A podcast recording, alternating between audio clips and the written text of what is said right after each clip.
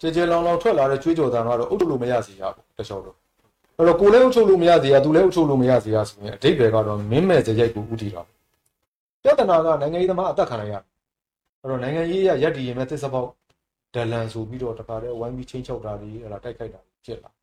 စစ်တပ်ကချလိုက်လို့ရှိရင်သူကနိုင်ငံရေးအတိုက်ခံထဲမှာကြတော့သူကနိုင်ငံရေးမသိဘူးရိုးတက်တယ်ဒီဘက်ကကိုချင်းချင်းကကြတော့ကိုနဲ့မတူတဲ့ဟာတွေအားလုံးကို အာတစ်ဖက်လူပဲဆိုပြီးတော့စစ်တပ်ရဲ့လူပဲဆိုပြီးတော့တခါတည်းဒစိတ်ကပ်ပြီးတော့နိုင်ငံရေးအသေးသက်ဖို့ကြိုးစားတယ်ဆိုတော့အဲ့တော့နိုင်ငံရေးသမားတတ်တဲ့တိုင်းပြည်မှာဘာနိုင်ငံရေးစနစ်မှတိစောက်လို့မရဒီလောက်မိုက်ရိုင်းနေတဲ့တယောက်နဲ့တယောက်တခါတည်းကိုအမုန်းအာကာရတွေကြီးနေတဲ့လူဖွဲ့စည်းထဲမှာကျွန်တော်ကလေးတွေကျွန်တော်တို့မရှိတော့ရင်တော့မှထားခဲ့ရမယ့်ကိစ္စကိုကျွန်တော်တို့ဘယ်လို့မှအသေးဖြောင်းမှာမဟုတ်ဘူးမင်္ဂလာပါကိုဟုတ်ကဲ့အဲကျွန်တော်တို့ဒီနေ့ live တွေ့ဆုံမြင်အကြောင်းရတော့ဒီ2021နိုင်ငံရေးခေတ်ချင်းတူပေါ်လာတဲ့ NASA ကရဲ့တက်တန်းပေါ့နော်သူကတော့ဒါနှစ်နှစ် အကြိုင်ပြည့်တော့မယ်ဆိုတော့နှစ်နှစ်ပြည့်မဲ့ဒီ NASA ကအနေနဲ့သူတို့ဘာတွေဆက်လုပ်မလဲပေါ့2008ဖွဲ့စည်းပုံကိုကင်ပြီးသူတို့ဘာတွေဆက်လုပ်နိုင်ကြီးရှိလဲဆိုတာလေးနဲ့ပတ်သက်တာပါအဲ့တော့အခုလေးနဲ့ဘာအများစပြောချင်တယ်ခင်ဗျာဟိုကျွန်တော်တို့ကဒါ2008ဖွဲ့စည်းပုံအရဆိုရင်တော့အရေးပေါ်ကာလတက်တန်းကဖေဖော်ဝါရီလရက်နေ့မှာပြည့်ပြီပေါ့အဲ့တော့ပြည့်တဲ့ခါကျတော့ကာလုံကိုပြန်တွဲရအောင်အဲ့တော့ကာလုံကနေပြီးတော့ဒီအုပ်ချုပ်ရေးအဖွဲ့အစည်းအဆင့်ဆင့်နဲ့ရွေးကောက်ပွဲကော်မရှင်ကိုသူကပြန်လဲ ဖွဲ့စည်းတာဝန်ပေးရအောင်ဆိုတော့လက်ရှိတာဝန်ရှိတဲ့ပုံကိုယ်တွေကိုပဲတိုးချဲ့တာပြင်ဆင်တာဖြည့်ဆွက်တာနှုတ်ပယ်တာအစရှိသဖြင့်လည်းဖြစ်ကောင်းဖြစ်နိုင်တယ်။သို့မဟုတ်အသစ်ဖွဲ့ခြင်းလည်းဖွဲ့လို့ရတယ်။အဲ့ဒါကတော့အဲ့ဒီချိန်မှာဖြစ်လာမဲ့ဒီကာလုံးရဲ့ဆုံးဖြတ်ချက်ပေါ့။နောက်တစ်ခုကတော့ဒါဥမြင့်ဆွေကနေပြီးတော့သူကယာယီတမရအဖြစ်နဲ့တာဝန်ယူပြီးတော့ဆုံးဖြတ်မဲ့အပေါ်မှာမူတည်တယ်။သို့တော်လည်းပဲ ဖေဖော်ဝါရီတရက်နေ့ကစရကလေးကတမတော်ကာကွယ်ဦးစီးချုပ်ရဲ့ဦးဆောင်မှုနဲ့ဆုံးဖြတ်မှုနဲ့ဖြစ်လာတာဖြစ်တဲ့အတွက်ကြောင့်ဖြစ်လာမဲ့အခင်းချင်းတဲ့ဟာလဲကာကွယ်ရေးဦးစီးချုပ်ရဲ့သဘောဆန္ဒနဲ့ညှိနှိုင်းဆောင်ရွက်တာပဲဖြစ်လိမ့်မယ်လို့ကျွန်တော်တို့မြင်ပါတယ်ဟုတ်သူဒီဖွဲ့စည်းပုံမှာပေးထားချက်အရာဆိုရင်တော့ဒီ2000နဲ့ဒီဒီ2008ဖွဲ့စည်းပုံပေးထားဆိုဒီ2021ခေတ်ချင်းဖြစ်တဲ့အချိန်မှာအဲ့ဒီကနေစပြီးတော့ဘိုးချုပ်ကြီးမရောက်လာတော့သူက တစ်နှစ်သက်တမ်းနဲ့ plus 6 6 6လနှစ်ချိန်ပေါ့နှစ်ချိန်အဲ့ဒီမှာသူကတကယ်လို့ဒီအဲ့မှာလည်းတော့ဟိုတစ်နှစ်ကတော့မတည်ငြိမ်ခဲ့ရင်နောက်ထပ်6လ6လတိုးလို့ရတယ်လို့ပြောတယ်ဆိုတော့တစ်နှစ်တိတိကြားလေးလည်းမတည်ငြိမ်ခဲ့ဘူးတိုးခဲ့တယ်6လ6လလည်းမတည်ငြိမ်ဘူးတိုးခဲ့တယ်ဒါပေမဲ့ခုနှစ်နှစ်ပြည့်လို့ပြန်မဲ့အချိန်ထိလည်းလူတွေကကြီးလန့်စကားဖြစ်နေတယ်ဆိုပဲဆိုတော့ပြန်မဲ့အချိန်ထိတော့ဒါမတည်ငြိမ်သေးဘူးဆိုတော့အဓိပ္ပာယ်တက်ရောက်နေဆိုတော့သူ့အစီရင်ခံစာမှာလည်းမတည်ငြိမ်သေးဘူးဆိုတော့အကြောင်းအရာလေးပါသွားနိုင်ခြေလေးရှိသလို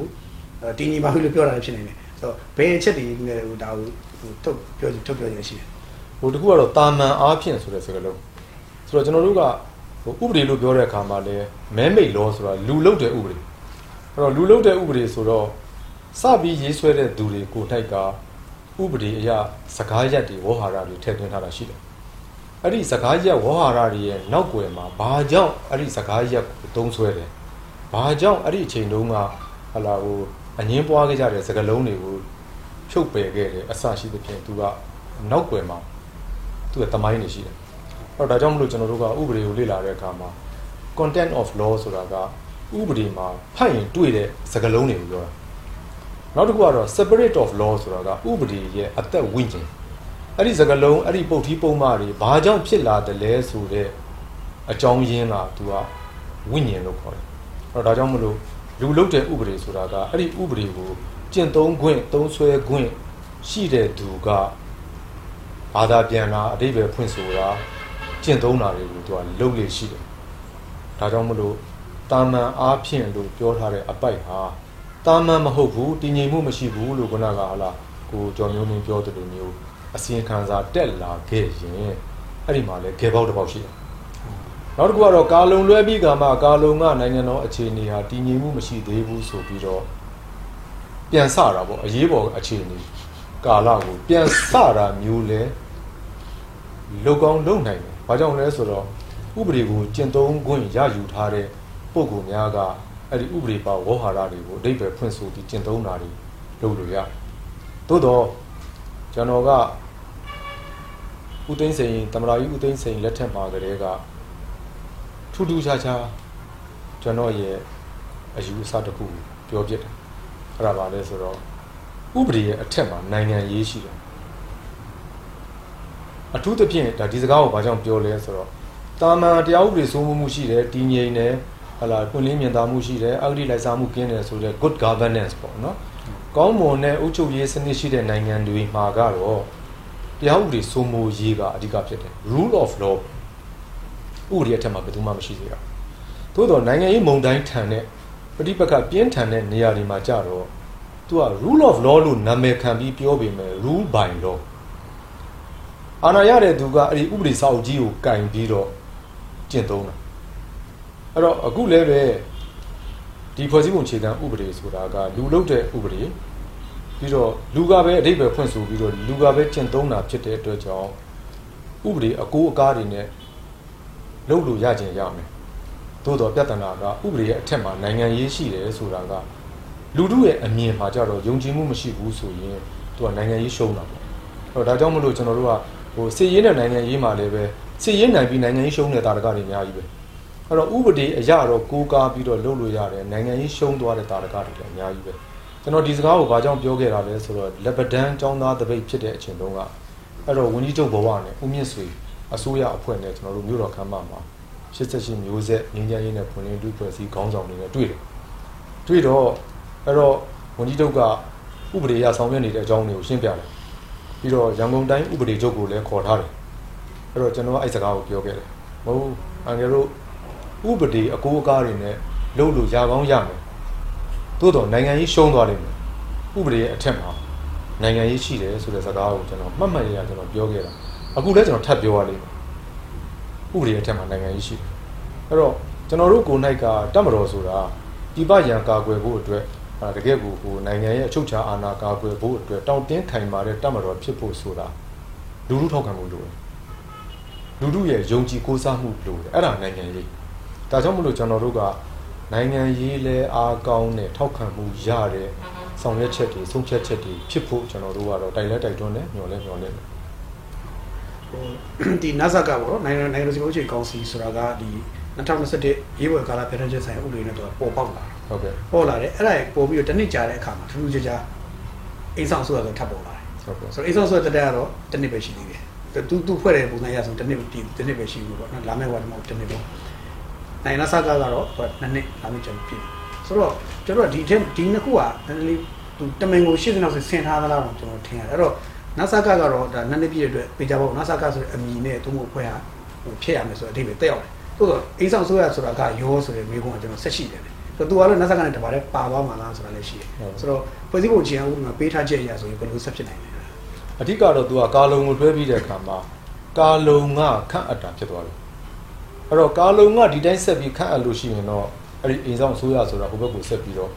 ပါသွားမယ်သို့မဟုတ်သူကပြုပြင်ပြောင်းလဲမှုတွေတိုးချဲ့တာပြင်ဆင်တာတွေလုပ်ပြီးတော့ခန့်မယ်ဆိုရင်လည်းခန့်လို့ရတယ်တေချာတာကတော့ဖေဖော်ဝါရီ၁ရက်နေ့ကစပြီးတော့ကာလုံကခန့်အပ်တော့အစိုးရတဲ့နဲ့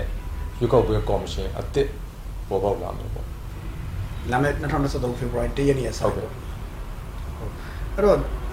အကယ်၍ပေါ့နော်အဲ့ဒီမှာကျွန်တော်တို့နားဟိုလက်လက်ရှိမျက်စိရှုပ်နေချင်းဖွဲ့စည်းပုံချက်ဥပဒေပါတဲ့ချက်ဒီမှာရှုပ်ထွေးနေရရှိရပေါ့ကာလုံရဲ့တက်တန်းကသူကကာလုံကနိုင်ငံတော်သမ္မတတကယ်သူအာဏာတည်ပြီးတော့သူအုပ်ချုပ်ခွင့်ရှိရဆိုပြီးပုံမှန်အဲ၄နှစ်6လား4 30လောက်ကျွန်တော်ဟိုမှန်ပုံမှန်နေမိတယ်အဲ့မှာအဲ့လိုပြောရတယ်ဆိုတော့သူပြီးတော့နောက်ထပ်လွတ်တော်တွေအစိုးရတွေမပေါ်မချင်းရသူကဒါဆက်ပြီးအုပ်ချုပ်ခွင့်ရှိတယ်လို့ဆိုရရှိတယ် ဆိုတော့တခါရွေးကောက်ပွဲကိုလည်း6လအတွင်းကျင်းပမယ်ဆိုတဲ့ပုံမှန်တွေပြောတယ်ကြည်ပြီးတယ်ဟုတ်အခုလက်ရှိကားလုံးပြန်ရင်6လလို့ဆို6လအတွင်းသာရွေးကောက်ပွဲအဲကျင်းပပြီးနောက်မှာတော့အစိုးရတဲ့ပုံဖို့တော့အနည်းဆုံး6လလောက်ကျော်လောက်ကြံနေသေးတယ်ဆိုတော့အဲ့ကြားထဲမှာအုပ်ချုပ်မဲ့ကာလလည်းကာလုံးပဲဖြစ်တယ်ဆိုတော့အဲ့ကြားထဲမှာလည်းဘာတွေဆက်ဖြစ်နိုင်လဲဆိုတော့ခင်းချင်းလူတွေရဲ့ကြားမှာစိုးရိမ်တယ်အခုသူတို့2023ဒီတကယ်စိုးရိမ်ကြကောင်းတဲ့ခင်းချင်းမှာရောက်နေလို့နားလဲအခုဘယ်လိုများအဲ့ဒါကိုလူတွေကို message ပေးချင်တယ်ဟိုကျွန်တော်တို့ကပူတာ6လအတွင်းရွေးကောက်ပွဲလုပ်ပေးရမယ်ပေါ့ အဲ့တော့ရွေးကောက်ပွဲလုပ်ပေးရမယ်ဆိုတဲ့နေရာမှာလည်းပဲတနိုင်ငံလုံးမလုပ်နိုင်ရင်ဘယ်လောက်ရာခိုင်နှုန်းရွေးကောက်ပွဲလုပ်မှအထမြောက်မယ်ဆိုတာပြဋ္ဌာန်းထားချက်မတွေ့ရဘူးနောက်တစ်ခုကကျွန်တော်တို့1952ခုနှစ်ဒါကျွန်တော်တို့နိုင်ငံသမိုင်းမှာ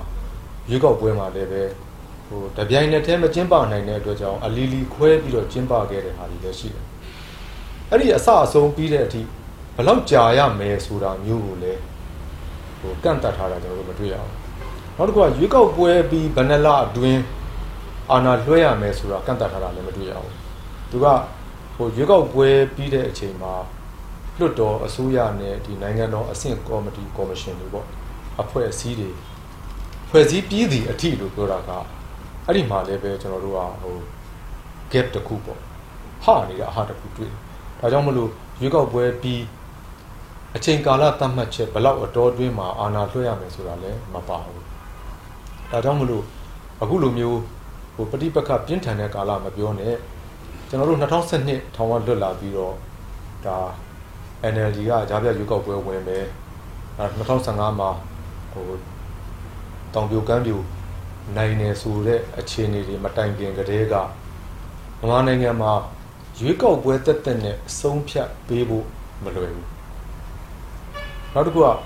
ရွေးကောက်ပွဲလှုပ်လိုက်တာနဲ့နိုင်ငံရဲ့ပြဿနာတွေအားလုံးကိုဖြေရှင်းနိုင်ဖို့96ပါးတောက်တဲ့စီမဟုတ်ဘူးဆိုတာကိုဒီလိုပြိပက္ခမဖြစ်တဲ့ကာလမှာတည်ငြိမ်နေတဲ့အချိန်မှာကတည်းကကျွန်တော်ပြောခဲ့တာ။အော်ဒါကြောင့်မလို့ဟိုရွေးကောက်ပွဲဟာဒီမိုကရေစီရဖြတ်တန်းသွားရမယ်မှတ်တိုင်တစ်ခုနီလန်းတစ်ခုသာဖြစ်တယ်။နောက်ရွေးကောက်ပွဲရလတ်နဲ့နိုင်ငံရေးရလတ်နဲ့ကထပ်တူမကြဘူး။ရွေးကောက်ပွဲရလတ်ကတတ်တတ်နိုင်ငံရေးရလတ်ကတတ်တတ်။အော်ဒါကြောင့်မလို့ကျွန်တော်ပြောပြောနေတာက ဟိုလူလူပါဝင်နိုင်တဲ့လူတဦးချင်းပါဝင်နိုင်တဲ့နီလန်းကတော့ရွေးကောက်ပွဲနီလန်းပဲ။ဟိုလက်နက်ကင်နီလန်းအခြားနီလန်းဆိုတဲ့ကိစ္စကဆန္ဒပြတာကအစလူတိုင်းဝင်မပါနိုင်ဘူးသို့တော့ရွေးကောက်ပွဲဆိုတာကတော့လူတိုင်းမဲမပေးဘဲနေနိုင်တယ်ကိုထောက်ခံခြင်းတဲ့ပါတီကိုမဲပေးနိုင်တယ်အစရှိသဖြင့်ဒီအခွင့်အရေးကိုရထားတာဖြစ်တဲ့အတွက်ကြောင့်လူတဦးချင်းပါဝင်နိုင်တာကတော့ဒီရွေးကောက်ပွဲနည်းလမ်းပဲသို့တော်လည်းပဲ တကယ်ပြဿနာအဆုံးအဖြတ်ကတော့နေပယ်အသီးသီးမှာ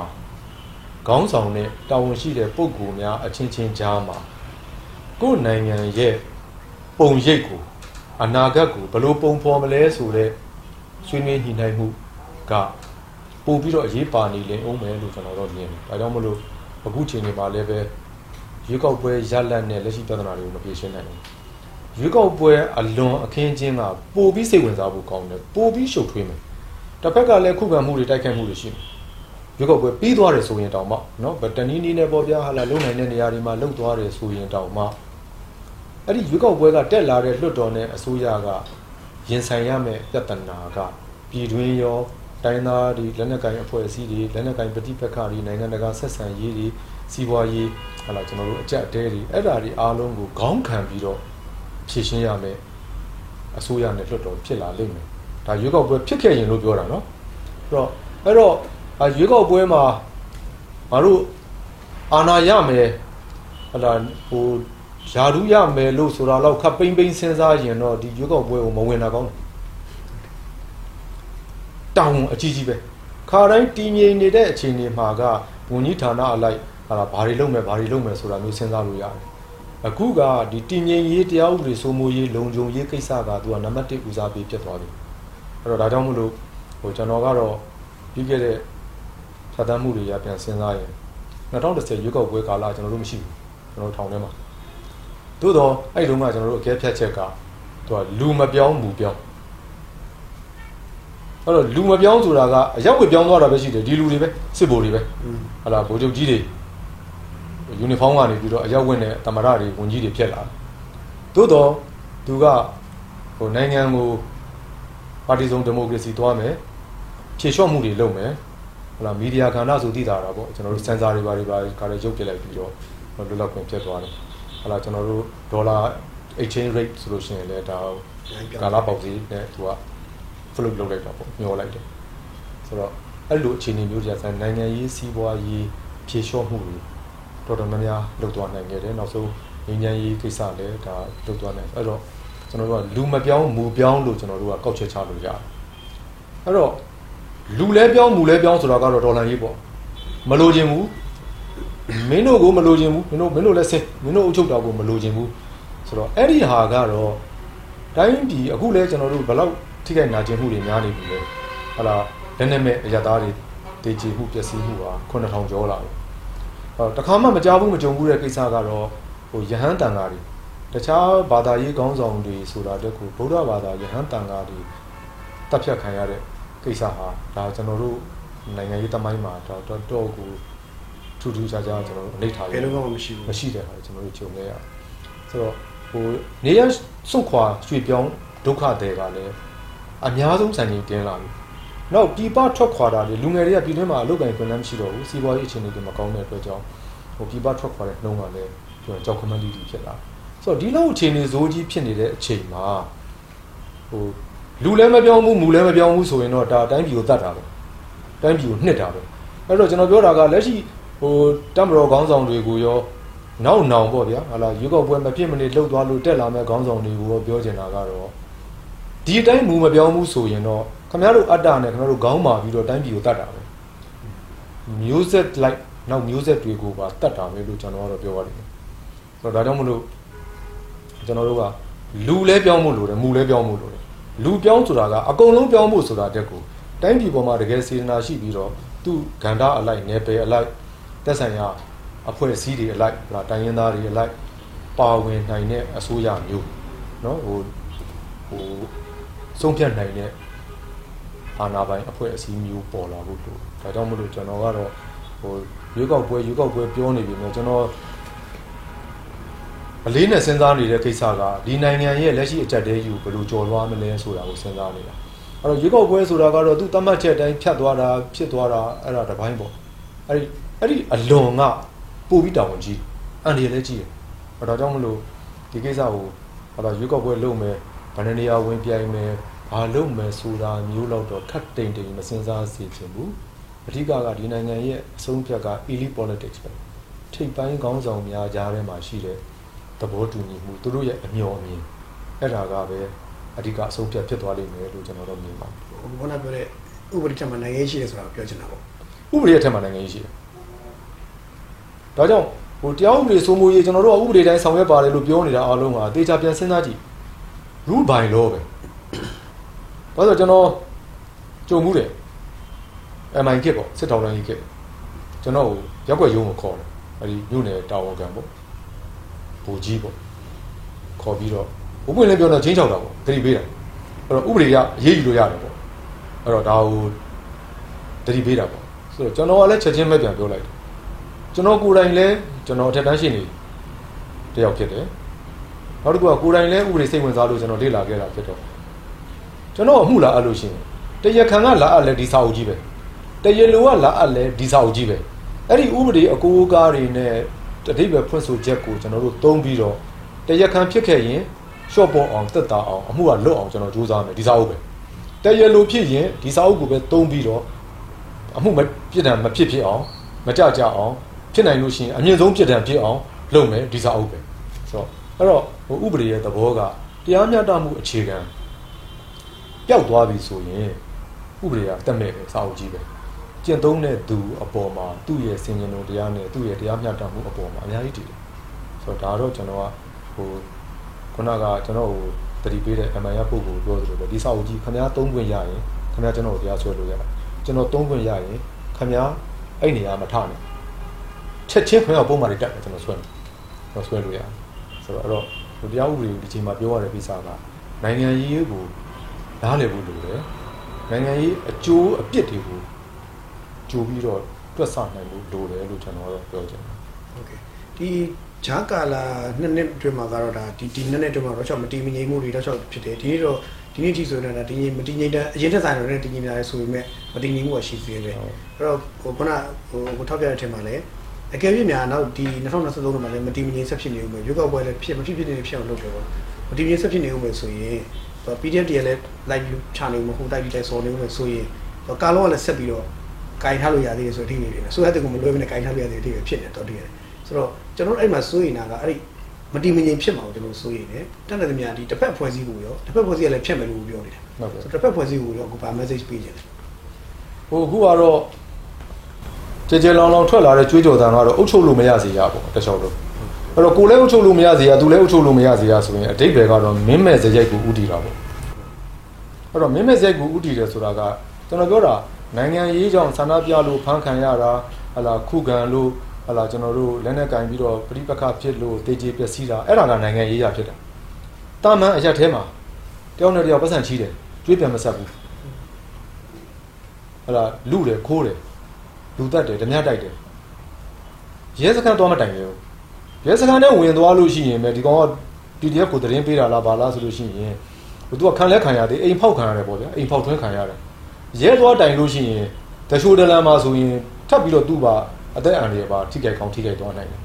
အဲ့တော့ဘာဖြစ်လာလဲဆိုတော့တရားရုံးမသွားရဘူးဟိုတရားသူကြီးတွေတော့မှချင်းချောက်ခံရတာအများကြီးရှိတယ်အဲ့တော့သဘောကတရားဥပဒေစိုးမိုးမှုကလုံးဝပြတ်သွားတယ်ပြတ်သွားတဲ့အခါကျတော့ကျွန်တော်ပြောတာနိုင်ငံရေးကြောင့်ဖြစ်တဲ့တည်ကြည်ပျက်စီးမှုကိုထားလိုက်တော့ နေ့စဉ်ဖြစ်လေဖြစ်တာရှိတယ်ကိုမှုလူမှုတတ်မှုအလားဟိုလိမ်လည်မှုအစရှိတဲ့ဒီရာဇဝတ်မှုတွေကအစတိုင်စရာရဲစခန်းတရားရုံးမရှိတော့ဘူးဟလာဟိုအုပ်ကြီးတွေလည်းချင်းချောက်လို့နှုတ်ထွက်လို့အလုံးလုံးမဲ့လူမရှိတော့ဘူးဆိုရင်အဲ့ဒါကသူကမင်းမဲ့စရိုက်တဲ့ဥတီသွားတာနောက်တစ်ခုကဟိုလက်လွတ်စပယ်တွေဖြစ်ပြီးတေးကြီးပျက်စီးသွားပြီးတော့တချို့ဆိုရင်ဟလာခုတ်ထစ်လှီဖြတ်ပြီးသွားရင်လက်တယ်မပေါ်ဘူးဟာကျွန်တော်မဟုတ်ဘူး तू မဟုတ်ဘူးနဲ့ တေတဲ့လူကတေသွားရောအဲ့တော့ဝိပါမဲ့ကလေးတွေဖြစ်တဲ့လူကဖြစ်သွားရောပြီးလို့ရှိရင်တခါတည်းဟိုပိုလွှဲချဒီလွှဲချတွေနဲ့ဖြစ်တော့ဆိုလိုတာကအဲ့ဒီအခြေအနေကြီးကိုကာလအကန့်အသတ်မရှိသွားကြမှာလားအဲ့ဒါကျွန်တော်ကတော့သူတို့လည်းမေးရလိမ့်နောက်တစ်ခုကနိုင်ငံတကာအကူအညီတွေနဲ့ပတ်သက်တဲ့ကိစ္စဟိုကျွန်တော်တို့နိုင်ငံကျွန်တော်တို့ထောင်ထဲရှိစဉ်ကတည်းကအကျဉ်းသားလွတ်မြောက်ရေးတို့ဟလာဒီမိုကရေစီရေးတို့ဟိုတိုက်တွန်းအားပေးနေတဲ့နိုင်ငံတွေကိုကျွန်တော်တို့ကျေးဇူးလက်တင်ပါတယ်သို့တော့ ဒီနိုင်ငံရဲ့မြန်မာနိုင်ငံရဲ့နိုင်ငံရေးဟာဒီနိုင်ငံထဲမှာနေတဲ့မြန်မာတောင်မှတွက်ကိန်းတွေလွဲတယ်နော်ဘာလို့ပြောရင်တော့ဂါဂနနာနားမလဲတာပေါ့အထူးသဖြင့်ပြောချင်တာကစစ်တပ်မှာစစ်ဗိုလ်တွေဘယ်လိုစုဖွဲ့ထားတယ်ဘယ်လိုစဉ်းစားတယ်ဆိုတာကိုနားလည်နိုင်တဲ့ဟာတော်တော်ရှားတယ်ဒါကြောင့်လည်းဒီချိန်တွေကျွန်တော်တို့ကြုံရတာပေါ့အဲ့တော့အဲ့ထားတဲ့မှာမှာဟိုနိုင်ငံသားပညာရှင်တို့ အဲ့လိုမြန်မာရေးကျွမ်းကျင်သူတို့ဆိုတာခင်ဗျာတခုချင်းစီပြန်ကောက်လို့ရှိရင်ရှေ့မှာလည်းတွက်ကိန်းတွေလွဲတာတွေခဏခဏပဲအဲ့တော့တောင်ပြောမြောက်ပြောတွေအဲ့ဒါလာလာပြောပြီးတော့ဟိုလုတ်တဲ့ဟာကကျွန်တော်တို့ကိုကူညီရမရောက်ခွင့်နဲ့ဟိုဒုက္ခပေးရရောက်အဲ့တော့နောက်တစ်ခုကလည်းအကူအညီတွေကြတော့ကျွန်တော်ကလိုက်ဖတ်တယ်ဥပမာအဖြစ်မြန်မာနိုင်ငံနဲ့ပတ်သက်တဲ့ဟိုဘတ်ဂျက်အကူအညီကိုကျွန်တော်ကြည့်လိုက်တော့136တန်းပေါ့အစတွေးတယ်ဟာအဲ့ဒီအချိန်မှာယူကရိန်းကိုပေးတာက73.6ဘီလီယံ ဆိုတော့ဟိုမှာစစ်တိုက်ဖို့ပေးတာဒီမှာကဟိုပြောကြသူဆိုလို့ရှိရင်ဟိုစိတ်ပိုင်းဆိုင်ရာအရာကတော့ဟာတို့အားပေးနေပြီထောက်ခံနေပြီဆိုတော့ဟိုအားပေးမှုဖြစ်တော်လဲပဲကာယကံမြောက်ကြတော့မစွတ်မပွတ်နဲ့မဟုတ်သဘောကပြီးတဲ့အခါကျတော့ဟိုအပေါ်မှာဖြတ်ကြအောင်မှာအဲ့ဒါဟို overhead cost တွေရတယ်ဖြတ်ကြအောင်မှာပြီးတော့ခေါင်းစဉ်ကခေါင်းစဉ်ပေါင်းခေါင်းစဉ်ပေါင်းများစွာနဲ့လာကြအောင်မှာအဲ့တော့အောက်မှာကျွန်တော်ကြည့်နေတာကျွန်တော်စိတ်ထဲမကောင်းဘူး အဲ့ဒါဟိုကဘာဆိုးပေါင်းမီလေးတွေနဲ့စွတ်ကြဲလေးတွေနဲ့ဟိုတူမီလေးတွေနဲ့ဟိုကိုစုပက်ဆက်သေးနေတာကျတော့ကိုနိုင်ငံသားကိုလူငယ်တွေလေအဲ့တော့ကျွန်တော်ပြောချင်တာကလူသားအရင်းမြစ်ကိုပြောတဲ့အခါမှာဘသူတည်တည်ကိုနိုင်ငံကအရင်းမြစ်တွေနောက်တစ်ခုကကျွန်တော်ပြောလို့ပြောတာရှိတယ်ကျွန်တော်ဟိုပြစ်ခတ်တိုက်ခိုက်မှုရစဲရေးစောင့်ကြည့်အဖွဲ့မှာကျွန်တော်တာဝန်ယူခဲ့စဉ်တခြားလုံးကလည်းပဲစစ်သားတွေကြားမှာစစ်ပွဲမရှိဘူးပြစ်တာပြစ်နေတာ ဟုတ်လားဘာရန်ညိုးရန်စားမှမရှိဘဲနဲ့ပြောရင်သူကတာဝန်အရာအမိတ်အရာပြစ်နေကြတာစစ်ပွဲတွေကြားမှာစစ်သားတွေရောက်နေတာစစ်သားတွေကြားမှာစစ်ပွဲမရှိဘူးရေးစားလူပဲလည်းမဟုတ်ဘူးပစ္စည်းဟိုဟိုပစ္စည်းဥစ္စာလူပဲလည်းမဟုတ်ဘူးဆိုတော့အဓိကအဆုံးဖြတ်ကဘယ်မှာသွားတည်လဲဆိုတော့ခေါင်းဆောင်တွေပေါ်မှာပဲတည်ဆိုတော့ဒါကြောင့်မလို့ကျွန်တော်တို့အခြေအနေကိုတေးသေးချာချာပြန်ပြီးသုံးသပ်ဖို့လိုတယ်နောက်တစ်ခုကတော့ဖြစ်နိုင်ခြေဆိုတာကိုမှန်မှန်ကန်ကန်မှန်းဆနိုင်ဖို့လိုတယ် နောက်တစ်ခုကတမိုင်းကိုပြန်သုံးသပ်တဲ့အခါမှာတမိုင်းနေမကဘူးပြစ္ဆုတ်ပံမှာကအစားလူတွေကပါဆိုကိုမှန်သူမှားပေါ့ဘာလို့လူကအတ္တရှိတာပေါ့အဲ့တော့ပြစ္ဆုတ်ပံမှာကိုမှန်သူမှားညင်းတာတက်ကိုအတိတ်ကိုပါငါတို့ဖွဲ့စည်းငါတို့ခေါင်းဆောင်တွေကဘယ်တော့မှမမားခဲ့ဘူးလို့ခုခံကာကွယ်နေတဲ့ပြဿနာတကယ်ကဖြစ်လာတဲ့ပြစ္ဆုတ်ပံပြဿနာတွေအားလုံးကအတိတ်ကပါယွင်းနေကြောင်းဖြစ်လာတယ်အဲ့တော့ဆိုလိုတာကဟိုစစ်တပ်မှာလည်းစစ်တပ်ခေါင်းဆောင်တွေဘက်ကအမှားယွင်းနေရှိခဲ့တဲ့ဟာကို နောက်ပိုင်းမျိုးဆက်တဲ့ခေါင်းဆောင်တွေကိုနှိုက်ကမှန်မှန်ကန်ကန်ပြန်သုံးသပ်နိုင်ရမယ်လက်ခံနိုင်ရမယ်အမှားပြင်မှုတော့လိုပြီအရက်ဖက်မှာလည်းအရက်ဖက်ကအားနည်းချက်တွေအမှားယွင်းနေရှိတယ်အရက်ဖက်နိုင်ငံရေးသမားတွေမှာလည်းအခုကျတော့ဘာဖြစ်လာလဲဆိုတော့ဒီနိုင်ငံကိုဒီနိုင်ငံရေးစနစ်တစ်ခုနိုင်ငံရေးသမားမရှိဘဲနဲ့ဘယ်လိုတည်ဆောက်မလဲပြဿနာကနိုင်ငံရေးသမားအသက်ခံရတာ62ကလေးကဟလာဟိုရှိသမျှနိုင်ငံရေးပါတီတွေအဖွဲ့အစည်းတွေအားလုံးကိုဖျက်သိမ်းပြလိုက်ပြီးတော့ ဟိုတခုတည်းသောဥဆောင်ပါတီဆိုပြီးလှုပ်လိုက်တဲ့ကသူကနိုင်ငံရေးသဘောထားကွဲလွဲခွင့်ကိုလုံးဝဖျက်ဆီးပြလိုက်တာနိုင်ငံရေးသမားတတ်ပြလိုက်တာအဲ့ဒါဟာတောက်လျှောက်88ဖြစ်ပြီးတော့လေအာဏာသိမ်းလိုက်တာ2010အထိအခုကနိုင်ငံရေးသမားဆိုတာလေဟဟိုအမြောက်အဆို့လေးထွက်ခါစားရှိသေးတယ်တခါထပ်ပြီးတော့အကုန်လုံးကတော်လိုင်းသမားဖြစ်သွားအဲ့တော့နိုင်ငံရေးရရက်တည်ရင်မဲ့သစ္စာပေါက်ဒလန်ဆိုပြီးတော့တခါတည်းဝိုင်းပြီးချင်းချောက်တာတွေအဲ့ဒါတိုက်ခိုက်တာတွေဖြစ်လာဆိုတော့အဲ့တော့နိုင်ငံရေးသမားတတ်တဲ့လူအဖွဲ့အစည်းဟာ ဘာနိုင်ငံရေးစနစ်မှတိစောက်လို့မရဘူးဒါဒါဒါကျွန်တော်တို့ကတော့ဒါတဲ့ပဲပြောရတယ်အဲ့တော့ဟိုစစ်တပ်ကလည်းပဲ तू ကဟိုသူ့ကိုဆန့်ကျင်တယ်ဆိုလို့ရှိရင်ဟိုအရေးယူမယ်ချိန်မုံးမယ်ဆိုပြီးတော့ तू ကတော့ကာယကံမြောက်ပေါ့ तू ကသို့တော့စစ်တပ်ကချလိုက်လို့ရှိရင် तू ကနိုင်ငံရေးအတိုက်ခံထဲမှာကြတော့ तू ကနိုင်ငံရေးမသိဘူးရိုးတက်တယ်ဆိုတော့အဲ့တော့ဒီဘက်ကကြတော့ဒီကောင်ကစစ်တပ်နဲ့ပေါင်းတဲ့ကောင်ဒီကောင်ကဒလန်တရှိုးဆိုပြီးတော့ तू ကလူတတ်တာမဟုတ် तू ကနိုင်ငံရေးတတ်တယ် อืม သူကအဲ့တော့ဟိုဘက်က လူရဲ့ခန္ဓာကိုယ်ကိုဖမ်းတယ်ရိုက်တယ်အစရှိသဖြင့်သူကနိုင်ငံရေးသမားကိုဟိုအတိုက်ခံကိုခြေပုံးတဲ့အနေနဲ့လုပ်တယ်ဒီဘက်ကကိုချင်းချင်းကကြတော့ကိုနဲ့မတူတဲ့ဟာတွေအားလုံးကိုဟာတစ်ဖက်လူပဲဆိုပြီးတော့စစ်တပ်ရဲ့လူပဲဆိုပြီးတော့တခါတည်းဒစိကပ်ပြီးတော့နိုင်ငံရေးအသေးသက်ဖို့ကြိုးစားတယ်ဆိုတော့အဲ့တော့နိုင်ငံရေးသမားတတ်တဲ့အတိုင်းပြည်မှာဘာနိုင်ငံရေးစနစ်မှတည်ဆောက်လို့မရဘူးအဲ့တော့အဲ့ဒါကိုနည်းနည်းလေးတတိထားပြီးတော့တတိထားအမျှော်မြင်ကြည့်ပြီးတော့နိုင်ငံရေး space ပေါ့နော်နိုင်ငံရေး platform ပေါ့အဲ့ဒါကိုမှန်မှန်ကန်ကန်ပြန်တိဆောက်မပေးလို့ရှိရင်တော့ဗဇက်ကလျှောက်ပြောနေတာပဲ democracy တွေ federal တွေလူခွင့်ရေးတွေကျွန်တော်ပြောချင်တာပြောကျင့်မမကျင့်သုံးမဲနဲ့မကျင့်သုံးတဲ့မြကာလပတ်လုံးဒီနိုင်ငံမှာနိုင်ငံရေးကောင်းလာဖို့မမြင်ဘူးအဲ့တော့ကျွန်တော်ကဒါကြောင့်မလို့အဲ့တော့ရှေ့လာမယ့်အနာဂတ်ကိုနောက်9နှစ်စာနောက်10နှစ်စာနောက်နှစ်20စာနိုင်ငံကိုဘယ်လိုပုံစံပုံဖော်ကြမှာလဲထုစစ်ကြမှာလဲဆိုတာကိုနိုင်ငံရေးသမားရွေးလည်းမရအောင် နိုင်ငံရေးကောင်းဆောင်တွေစစ်ရေးကောင်းဆောင်တွေစီးပွားရေးကောင်းဆောင်တွေအခုဒါကျွန်တော်တို့တကားဖွင့်လာတဲ့အချိန်မှာစီးပွားရေးသမားတွေအခန်းကဏ္ဍအရင်ရေးကြည့်တယ်သူတို့ပုံပန်းတကြဖွံ့ဖြိုးလာဖို့လိုသူတို့ကလည်းနိုင်ငံတိဆောက်ရေးမှာကောင်းကောင်းပြန်အထောက်အကူပြုဖို့လိုတယ်အလူကံပြီးတိဆောက်ဖို့မစင်စားနဲ့အဲ့ဒါပုံမှန်မဟုတ်ဘူးအခွန်နဲ့တိဆောက်ရမှာဆိုလိုတာနိုင်ငံတော်ကရတဲ့ရလိုက်တဲ့အခွန်ဘဏ္ဍာတွေကိုနိုင်ငံသားတွေအနေနဲ့ရောစီးပွားရေးသမားတွေအနေနဲ့ရောမှန်မှန်ကန်ကန်ထည့်ဝင်ပြီးတော့အဲ့ဒီအခွန်ဘဏ္ဍာတွေကိုမှန်မှန်ကန်ကန်ခွဲဝေသုံးစွဲပြီးတော့တိဆောက်ရမယ်အဲ့ဒါလိုမဟုတ်ဘဲနဲ့ တန်တာချပေးလိုက်အလူငွေဘယ်လောက်ထည့်လိုက်ဆိုတဲ့ပုံစံမျိုးနဲ့ကျွန်တော်ဒီစီးပွားရေးကဏ္ဍသိရေးကြည့်တယ်အဲ့တော့ဒါကြောင့်မလို့ကျွန်တော်တို့နိုင်ငံရဲ့အနာဂတ်ကိုတိဆောက်တော့မယ်ဆိုရင်နိုင်ငံရေးကောင်းဆောင်စီးပွားရေးကောင်းဆောင်စစ်ရေးကောင်းဆောင်ဘာသာရေးကောင်းဆောင်သူကတက်ဆိုင်ရာဘာသာရေးအတိုက်အဝန်းတွေပေါ်မှာဩဇာတိတ်ကမရှိတဲ့ပုံကိုများသူတို့ကလည်းပဲသိရေးကြည့်တယ်နောက်တစ်ခါပညာရေးကျမ်းမာရေးလူမှုရေးကောင်းဆောင်တွေနောက်တစ်ခါဟောပေါ့လူလူကြားထဲမှာထင်ရှားကြော်ကြားတဲ့အမှုပညာသမားတွေဟဲ့လားစာပေဂီတအစရှိတဲ့ဒီပုံကိုယ်တွေအားလုံးက ကိုယ်နိုင်ငံရဲ့အနာဂတ်ကိုဘယ်လိုပုံစံမြင်ကျင်တာလဲဆိုတဲ့အိမ်မက်တစ်ခုကိုဝိုင်းပြီးတော့ထုစစ်ကြဖို့လိုတယ်အဲ့ဒါရွေးကောက်ပွဲတဲ့အရေးကြီးတယ်အဲ့တော့ရွေးကောက်ပွဲကတော့ဒါကျွန်တော်နိုင်ငံရေးပါတီတစ်ခုအနေနဲ့ကျွန်တော်တို့တစ်ခုခုဆုံးဖြတ်ရတော့မှာပေါ့ဗျာအလားတူပဲကျွန်တော်တို့ဟာလာအခြားပါတီတွေလည်းဆုံးဖြတ်ကြမှာသို့တော့ကျွန်တော်တို့ရင်ဆိုင်ရမှာကရွေးကောက်ပွဲမဟုတ်ဘူးနောင်ဖြစ်လာမဲ့နိုင်ငံရေးအခင်းချင်းအဲ့ဒါကျွန်တော်တို့အားလုံးရင်ဆိုင်ရမှာအဲ့ဒီအတွက်ကိုအမျှော်မြင်ရှိရှိနဲ့အခုကတည်းက ဟိုစူးစမ်းစားကြစေခြင်းပဲပေါ့ဗျာအဲ့တော့ကျွန်တော်ကတော့နိုင်ငံရေးကျွန်တော်ကရွတ်သွမှုတစ်ခုနဲ့လုပ်ခဲ့တာကျွန်တော်စလုပ်ခဲ့တဲ့ကကျွန်တော်80ခွန်ပေါ့88နိုင်ငံရေးလောကထဲဝင်လာကြတဲ့ကကျွန်တော်ရွတ်သွစွာလုပ်ခဲ့တာအခုရင်ဆိုင်နေရတဲ့ခံနိုင်ရည်ဟာကျွန်တော်ဟိုလုံးကမခံနိုင်ဘူးဒီလောက်အထင်မြင်လွဲမှားမှုဆဲဆူချင်းကြောက်မှုတွေဖြစ်ပြီးဆိုရင်တခုခုတင်းတင်းမာမာလုပ်ပြီးတော့ထောင်ထဲဝင်ဖို့ကျွန်တော်ဆုံးဖြတ်မိမှာအမှန်ပဲ ဟိုတုန်းကဆိုတယ်ပေါ့အဲထောင်ထဲနေလိုက်ရင်ကျွန်တော်တာဝန်ကျေသွားပြီကျွန်တော်နိုင်ငံရေးရကျွန်တော်တဘောကျွန်တော်ဘယ်လို့မှမဆဲနိုင်တော့ဆိုတော့အခုကြတော့အဲ့ဒီတက်လင်းနေတာကကျွန်တော်လည်းအခု60ကျော်လာပြီနောက်ကျွန်တော်ကလေးတွေဆိုတော့ကျွန်တော်ကလေးဆိုတာကိုယ်ပိုင်ကိုပြောတာတွေမကဘူးဒီသားသမီးမျိုးဆက်တွေအားလုံးကိုဒီလူဖွဲ့စည်းထဲမှာထားခဲ့ရမှာဒီလောက်မိုက်ရိုင်းနေတဲ့တယောက်နဲ့တယောက်တစ်ခါတည်းကိုအမုန်းအာဃာတတွေကြီးနေတဲ့လူဖွဲ့စည်းထဲမှာကျွန်တော်ကလေးတွေကျွန်တော်တို့မရှိတော့ရင်တော့မှထားခဲ့ရမယ့်ကိစ္စကို ကျွန်တော်တို့ဘယ်လို့မှအသေးဖြောင်းမှာမဟုတ်ဘူးဆိုတော့အဲ့ဒါကိုကျွန်တော်တို့ကဗိုလ်ချုပ်ကြီးတွေရောနော်ဘယ်အသီးသီးကခေါင်းဆောင်တွေရောအလေးနဲ့စဉ်းစားစီခြင်းတယ်ဟလာဟိုတူတူကိုကိုကတော့ငါမှအင်အားရှိတယ်လို့ထင်ကြတာပေါ့ငါမှနိုင်ငံတကာထောက်ခံမှုရှိတယ်ငါတို့မှလည်းအခုလက်နက်တွေရှိလာပြီအစစ်တပ်ကလည်းငါမှလေမြန်တွေရှိတယ်အမြောက်တွေရှိတယ်ဆိုတာမျိုးလုံးနဲ့စဉ်းစားနေရင်တော့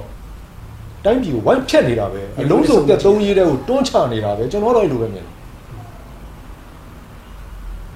အဲ့တော့နည်းနည်းလေး ဟိုစင်စင်ချင်းချင်းနဲ့အမျှော်မြင်တရားကိုရှေ့ထားပြီးတော့လုပ်ကြပါလို့ကျွန်တော်တို့အဓိကတိုက်တွန်းနေတာပါဒီနတ်ဆက်ကရဲ့ဒီနှစ်နှစ်အတွင်းမှာရောနှစ်နှစ်အတွင်းမှာရောတို့ရဲ့ဒီဂိုင်တွယ်ပုံကဂိုင်တွယ်ပုံပေါ့နော်နှစ်နှစ်အတွင်းကဂိုင်တွယ်ပုံကရေဝကာလပြဋ္ဌာန်းချက်ဥပဒေနဲ့အညီဂိုင်တွယ်တဲ့ပုံစံကရောတကယ်ပဲတို့အဲဥပဒေနဲ့အညီဂိုင်တွယ်နိုင်ခဲ့ရလားမလို့အရေးပေါ်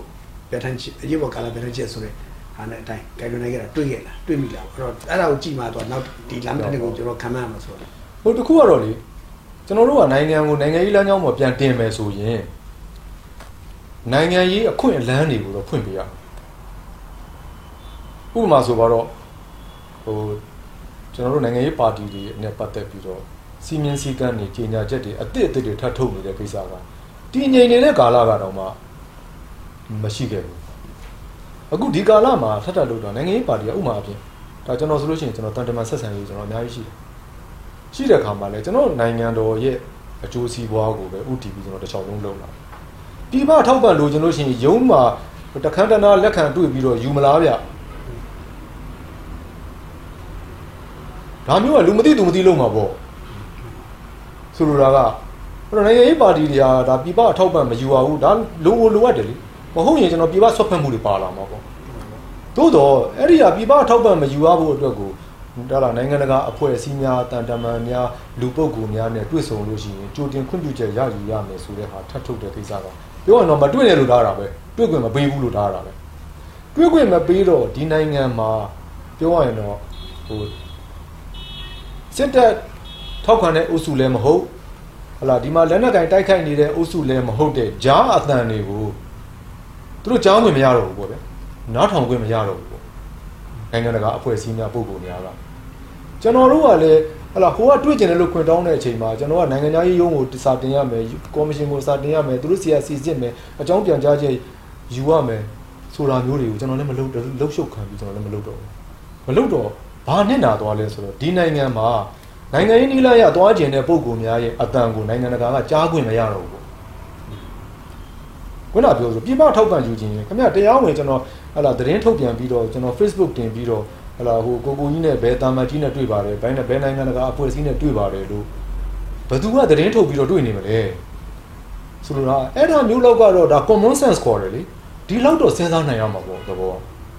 အဲ့တော့အခုကျွန်တော်တို့ကပြည်သူကြားထဲမှာနိုင်ငံရေးပါတီတစ်ခုအနေနဲ့စီယုံကြီးဘယ်လိုလုပ်မလဲ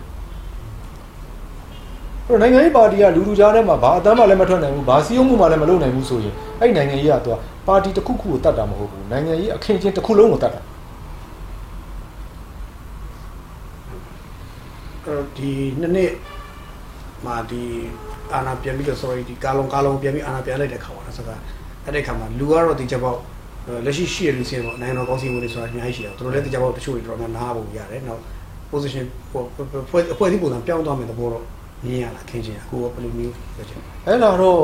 ဆုံးဖြတ်မဲ့ပုံကိုယ်တွေပဲသိမှာပဲ။ဘာလို့ဆိုတော့ဒီကိစ္စကဘလူသဘောထားဆန္ဒမှခံယူပြီးလုပ်နေတာမဟုတ်ဘူးလေ။ဆိုတော့ဥဆောင်တဲ့သူတွေကဒါသူတို့စိတ်ကြိုက် ဟိုစီမံဖွဲ့စည်းတာဟုတ်။အဲ့တော့ဖွဲ့စည်းတဲ့နေရာမှာလည်းပဲကျွန်တော်တို့ကလူပုဂ္ဂိုလ်တွေကိုယာဒုနေရာတွေပေးတာတက်ကိုအဲ့ဒီပုဂ္ဂိုလ်တွေရဲ့အကြံဉာဏ်သဘောထားတွေကိုအလေးနဲ့ထားပြီးတော့ဆုံးဖြတ်တာမျိုးဆိုရင်တော့စုဖွဲ့မှုကောင်းတယ်အဲ့ဒါလိုမဟုတ်ဘဲနဲ့တက်ရဲ့စုဖွင့်မှုအတိုင်းပေါ့အမိတ်ပေးအမိတ်နာခံမှုလောက်ပုံစံမျိုးနဲ့တွားရင်တော့ तू ကလူတွေတော့ယာရုရခြင်းရသွားမှာပေါ့အာဘယ်ပါတီကဘယ်သူတွေပါရင်ပါသွားမှာပေါ့ ပြီးတဲ့အခါကျတော့အဲ့ဒီသူ့ရဲ့မူဝါဒပိုင်းပေါ့အဲ့ဒီအပိုင်းကဘာမှထူးခြားတဲ့ပြည်ပြင်ပြောင်းလဲမှုတွေဖြစ်မလာဘူးဆိုရင်တော့ဒါပြည်ပြင်ပြောင်းလဲတယ်လို့ပြောလို့မရဘူးပေါ့ဟိုနှစ်နှစ်ပြည့်ပြီးတော့ပေါ်လာမဲ့စုဖွဲ့ပေါ့နော်အဲ့ဒီစုဖွဲ့နဲ့ပတ်သက်ရင်အဲဟိုအကြံပြုချင်တာကဒီဟိုလူပြောင်းမှုပြောင်းဆိုတာထက်တခြားထပ်ပြီးတော့ပိုနည်းနည်းတဲ့အကြံပြုချင်တာပါရှိတယ်ဟိုတေချာနာကတော့မူမပြောင်းလို့မရဘူး မူမပြောင်းရင်ဟိုအခုတောင်မှဟိုပြောရရင်မြန်မာနိုင်ငံမှာကလည်းပြည်သူတွေကချစ်ချင်းမုန်းချင်းနဲ့နိုင်ငံရေးကိုတိဆောက်ခံလိုက်ရတာ။ဒါဆိုတော့အာဘသူ့ကိုတော့အရန်ချစ်တာပဲဆိုရင်ဘယ်တစ်ခုမှအစိုးမမြင်ဘူး။တော့ပိုသူပုံကိုဇွဲနဲ့သွားတာဟိုမုံမီဆိုရင်လည်းဘလောက်ကောင်းတာလုံးလုံးအကောင်းမမြင်ဘူး။ဟိုအကောင်းမြင်ရင်တောင်အတိမတ်လူသိရှင်ကြားအတိမတ်မပြုတ်ခြင်းဘူးဆိုလိုတာအဲ့တော့ကျွန်တော်တို့ကဟို ပြည်သူကြားထဲမှာအထိုက်လျောက်ပေါ့အပြည့်အဝကတော့ဘယ်လို့မှမဖြစ်နိုင်ဘူးအထိုက်လျောက်ယုံကြည်မှုရှိမဲ့ပုံကူများပါလာဖို့လိုတယ်ဟိုပြောရင်တော့လက်အောက်ခံတော့မမွေးနဲ့လက်အောက်ခံမွေးလိုက်ရင်စစ်တပ်ရဲ့လက်အောက်ခံလို့တစိ့ကပ်ခံလိုက်ရရင်အဲ့ဒီပုံကူအပေါ်မှာပါရှိပြီးသားယုံကြည်မှုပါပျောက်သွားတယ်အဲ့တော့ဟိုတကယ်တကယ်ကဒါလက်ရှိရှိတဲ့တပ်မတော်ခေါင်းဆောင်များကစဉ်းစားတဲ့အခါမှာပြည်သူကြားထဲမှာအထိုက်လျောက်ညမျှော်လင့်မှုယုံကြည်မှုရှိတဲ့ပုံကိုယ်တွေပါလာဖို့လိုတယ် အဲ့ဒီပုံကိုယ်တွေရဲ့အကြံပြုချက်သဘောထားတွေကိုလည်းအလေးနဲ့ထားပြီးထည့်သွင်းဆုံးဖြတ်ဖို့လိုတယ်အဲ့တော့ကျွန်တော်တို့ဟလာဒီဆောင်ရွက်မဲ့ပုံကိုယ်များကလည်းဥပမာကျွန်တော်တို့ဆိုရင်အများကြီးစဉ်းစားတယ်ဟလာဟိုတခုခုအကြံပြုမယ်တိုက်တွန်းမယ်ဆိုရင်တောင်မှကျွန်တော်တို့မှာဟို red line ဆိုတာရှိတယ်ထမင်းရေဘူးစီးပေါ့အဲ့ဒါမကြော်ပါဘူးဗျနိုင်ငံရေးမှာအဲ့ဒီအကန့်အသတ်ကိုတော့နားလေရတယ်စစ်တပ်မှာလည်းပဲလုပ်ချင်တယ်လို့မရအောင်အကန့်အသတ်တွေရှိတယ်အဲ့တော့ကျွန်တော်တို့ဘက်ကလည်း ဟိုမဆက်ရင်ကကိုဖြစ်ချင်တာတွေပဲရှောက်ပြောလို့မရအောင်လက်ရှိရှိနေတဲ့ပတ်ဝန်းကျင်အခြေအနေအရာအကန့်အသတ်ကိုနားလေရမယ်နားလေပြီးတော့ဟလာသူ့ဘက်ကလည်းလိုက်ရောနိုင်ရမယ်လိုက်ရောခြင်းကြောင့်သူ့အတွက်အန္တရာယ်မဖြစ်စေရဘူးသူ့အတွက်လည်းပဲအဲ့လိုလိုက်ရောခြင်းကြောင့်ပြောင်းလဲလိုက်ခြင်းကြောင့်ထိုက်တဲ့ယုံကြည်မှုပြန်ရလာမယ်ဆိုတဲ့ညှော်လင့်ချက်လည်းသူသူ့အတွက်ရှိရမယ်ဆိုတော့အဲ့ဒီလိုမျိုးစဉ်းစားနိုင်မှကျွန်တော်တို့ကပြုပြင်ပြောင်းလဲရအောင်တဲ့ပုံမှာဒါကြောင့်မလို့မူမပြောင်းလို့မရအောင် လူပြောင်းတာကတော့ဒီချိန်မှာဆုံးဖြတ်ချက်ကလက်ရှိဆုံးဖြတ်နိုင်တဲ့ပုံကူများကပဲဘသူဖြုတ်မယ်ဘသူတက်မယ်ဆိုတာအားလုံးကိုသူတို့ဆုံးဖြတ်လို့ရတယ်အဲ့တော့ဆုံးဖြတ်ရင်လည်းလူကြီးပဲခေါ်လာလို့တော့မရဘူးလူကြီးပဲခေါ်လာရင်လက်အောက်ခံဖြစ်သွားရင်အဲ့ဒီလူအပေါ်မှာငကူမရှိမရှိမဲ့ယုံကြည်မှုလေးပါပျောက်သွားမှာအဲ့တော့သူနဲ့ပတ်သက်တဲ့ဖြစ်တင်ဖြစ်ထိုက်တဲ့အကြံဉာဏ်တွေမူပိုင်းဆိုင်ရာတွေကိုလည်းလက်ခံပေးဖို့လိုတယ်အဲ့ဒါမှလူပြောင်းမှုပြောင်းဖြစ်မယ်လူပြောင်းဆိုတာတော့မှ ဟိုလူအစားထိုးပေါ့ဟိုတောင်းလုံးကြီးပြောင်းပြဖို့ဆိုတာဒီချိန်ပါကျွန်တော်တို့မျှော်လင့်လို့မရနိုင်သေးဘူးအဲ့တော့ပြောင်းလိုက်တဲ့လူမှာမူတော့ပါသွားဖို့လိုတယ်နောက်တစ်ခုကလည်းမပြောင်းမှုဆိုရင်တောင်မှမပြောင်းတဲ့လူတွေကငါတို့မူတော့ပြောင်းမှဖြစ်မယ်ဆိုတော့စဉ်းစားချက်မျိုးရှိဖို့လိုတယ်ဆိုတော့အဲ့ဒါမဟုတ်ရင်အခုအကွဲရတော်တော်ကြီးတယ်ပြည်သူကြားထဲမှာအကွဲရမိသားစုတွေတယောက်ချင်းစီထိကွဲတာ ဆရာတစ်ပည့်ကွဲတယ်ဆရာတကာကွဲတယ်ညီအကိုကွဲတယ်ဟာလာတာဖကွဲတယ်အဲ့ဒါလောက်ကွဲပြဲပြီးတော့ယဉ်ကျေးမှုပါကွဲတာယဉ်ကျေးမှုကပြက်ကုန်တာပုံလို့ဆိုတော့အဲ့ဒီအခြေအနေကြီးကိုပေါ့ပေါ့တန်တန်တွက်ပြီးတော့အင်အားအဓိကနဲ့ချိန်မှုံးမယ်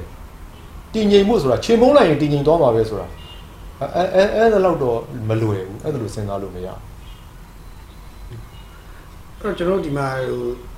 2021ခင်းချင်းနဲ့ပတ်သက်ပေါ်လာတဲ့အစိုးဟိုအစိုးရတွေကောင်စီနဲ့ပတ်သက်တဲ့လူတွေက ပြောရရှိစက်ချင်မဲ့ဖွဲ့စည်းများလို့ထောက်ပြကြတာရှိတယ်ပေါ့အဲဖွဲ့စည်းပုံအခြေအောင်တွေမညီဘူးပေါ့ယူတာမညီဘူးပေါ့သမရကိုတင်ပြရမယ်လို့ကာလောကသမရကိုတင်ပြရမယ်လို့ဘာလို့ဆိုတော့သမရကိုဖန်ထားမှာတော့ဘယ်လိုတင်ပြမှာလဲလို့အဲ့ဟိုမိကုန်းကြီးကအကြီးကျယ်ခုတည်းဖြည့်ရှင်းစရာမရှိဘူးဖြစ်နေဖြည့်လို့မရအောင်ဖြစ်နေဆိုတော့ကိုအဲ့ခင်းချင်းကိုဘယ်လိုဘယ်လိုများနားလဲထားလဲဒါကြောင့်ဒါမဲမိတ်လောလို့ပြောတာလူလုတ်တဲ့ဥပဒေလူတောင်မှခတ်ချင်းပြောရင်စစ်ဗိုလ်တွေလုတ်တာဗျာအဓိကဥဆောင်လုပ်သွားတာညောင်နယ်ပင်မှာလုတ်သွားတာ အဲ့တော့အခုစစ်ဗိုလ်တွေဘာသာပြန်တာလေစစ်ဗိုလ်တွေကျင့်သုံးတာလေအဲ့တော့ဒီဟာကိုသွားပြီးအငင်းပွားနေရင်ကျွန်တော်ပြောတာကဟိုအဖြစ်ထွက်ကျင်တယ်ဆိုရင်တော့အငင်းပွားလို့ဖြစ်ထွက်မယ်ဆိုရင်တော့ငင်းပေါ့ဗျာအဲ့ကျွန်တော်ပြောချင်တာကအဲ့တကယ်တကယ်ဆိုရင်ခင်ဗျာလွတ်လပ်တဲ့ဖွဲ့စည်းပုံအခြေခံဥပဒေဆိုင်ရာခုံရုံးရှိတာကိုမရှိဘူးလေအခုညင်းပြီဆိုရင်ကျွန်တော်တို့ကလွတ်လပ်တဲ့ဆိုတဲ့စကားလုံးကိုထည့်ပြောထားတာနော်လွတ်လပ်တဲ့ဖွဲ့စည်းပုံအခြေခံဥပဒေခုံရုံးရှိပြီဆိုရင်တော့ ဒါဖွဲ့စည်းပုံနဲ့ညီညွတ်တယ်မညီညွတ်ဘူးဆိုတာကို तू ကဆုံးဖြတ်ပေးလိမ့်မယ်လာအမေရိကန်မှာဆိုရင်တော့ तू က high court ကိုတင်ရတာပေါ့ तू က supreme court ကိုတင်ရတာပေါ့တရားလွတ်တော်ချုပ်ကနေပြီးတော့ပဲဒါဖွဲ့စည်းပုံအခြေခံဥပဒေနဲ့ညီညွတ်သလားမညီညွတ်ဘူးလားဆိုတာကိုဆုံးဖြတ်တယ်အဲ့ဒါကိုကျွန်တော်တို့ကနာခံရတယ်ဒီမှာဒီချင်းနေမရှိဘူးအဲ့တော့ညင်းလဲညင်းတာပဲရှိတာပေါ့ဒါအာနာသိမ့်တယ်လို့ညင်းအာနာထိမ့်တယ်လို့ညင်းညင်းလေအဲ့တော့အဖြစ်ထွက်ဖို့ဆိုရင်တော့ခုနကပြောဆိုအဖြစ်ထွက်တဲ့စဉ်းစားချက်မျိုးနီးလန်းနေနဲ့စဉ်းစားပေါ့ ကျွန်တော်တို့မှာတူးချင်းကောက်ချက်တွေရှိတာပေါ့သို့တော့ကျွန်တော်တို့ကအဖြေကိုစဉ်းစားတဲ့အခါကျတော့လာလက်တွေ့ကြတဲ့ချင်းကပ်မှုမျိုးစဉ်းစားတယ်စဉ်းစားတဲ့အခါမှာလည်းပဲကျွန်တော်ဒီနိုင်ငံမှာမွေးတယ်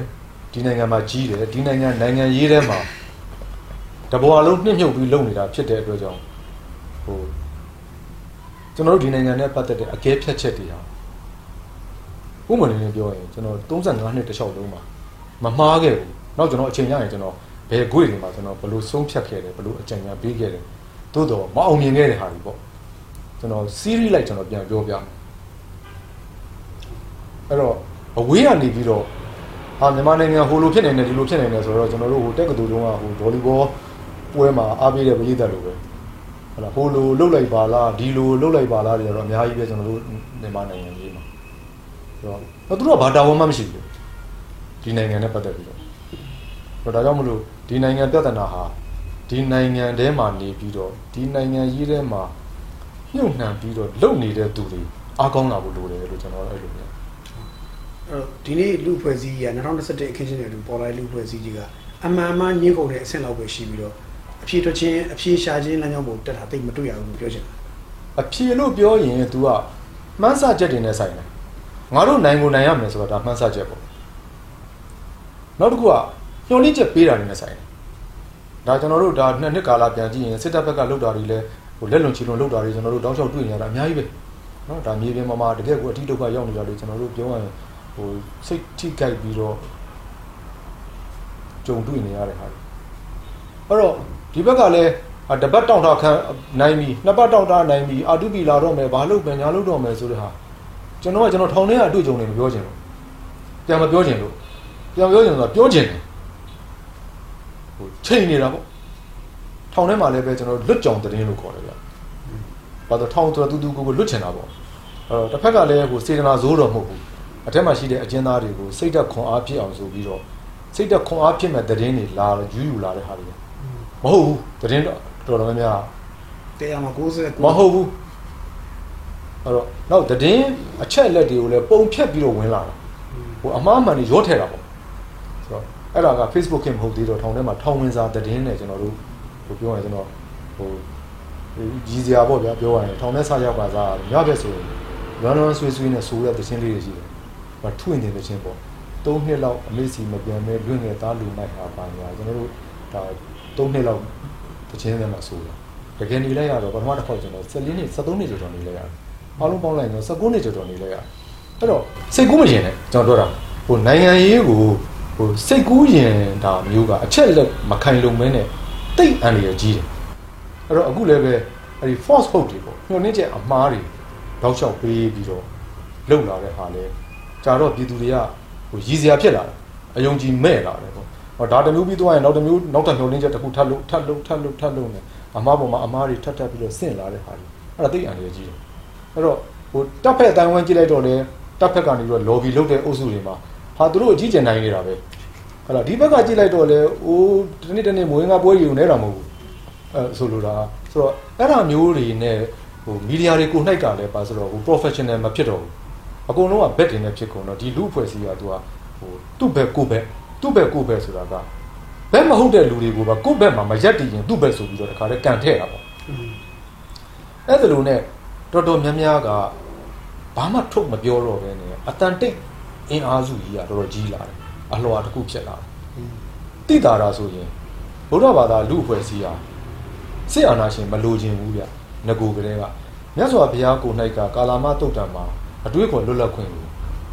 ဖွင့်ပေးထားတာအဲ့တော့ဒီအာဏာရှင်နဲ့ဗုဒ္ဓဘာသာနဲ့ကမတည့်ဘူးဗျတကယ်တကယ်အဲ့တော့ဒါကြောင့်မလို့လဲရှစ်လေးလုံးကစပြီးတော့ဟလာကျွန်တော်တို့ ဟိုပတ္တနေကုသနာကန်ဆောင်ပွဲဟလာရွှေဝါရောင်တချောင်းလုံးပါခဲ့ကြပြီးတော့ဒီပွဲမှာဘာဖြစ်လို့ silent ဖြစ်သွားတာလဲလေးလေးနဲ့နဲ့ပြန်သုံးသပ်ဖို့လိုတယ် silent ဖြစ်သွားတာနဲ့ဒါစစ်တပ်ကဟာတွေဆိုပြီးတော့တွားပြီးတော့မဟုတ်ဘူးသို့တော့ပြဿနာဘာပေါ်လာလဲဆိုတော့ဘယ်သူကမှအကာအကွယ်မပေးနိုင်တော့ဘူးဆိုတဲ့လုံခြုံမှုကင်းမဲ့တဲ့အခြေအနေကိုရောက်လာတယ်အဲ့တော့စစ်တပ်လွှမ်းမိုးတာယူကြိုက်သလားဆိုတော့လည်းမကြိုက်ဘူး ဆိုတော့အဲ့ဒီလိုမျိုးဟိုအတန်ထွက်ခွင့်မရတဲ့အင်အားစုကြီးနောက်တစ်ခုကတာမန်ပြည်သူတယောက်ကဆန္ဒပြတော့ပြခဲ့ကြတာပဲနှစ်နှစ်စလုံးတော့လည်းတန်ဖိုးဖောက်မနေနိုင်ဘူးအဲ့တော့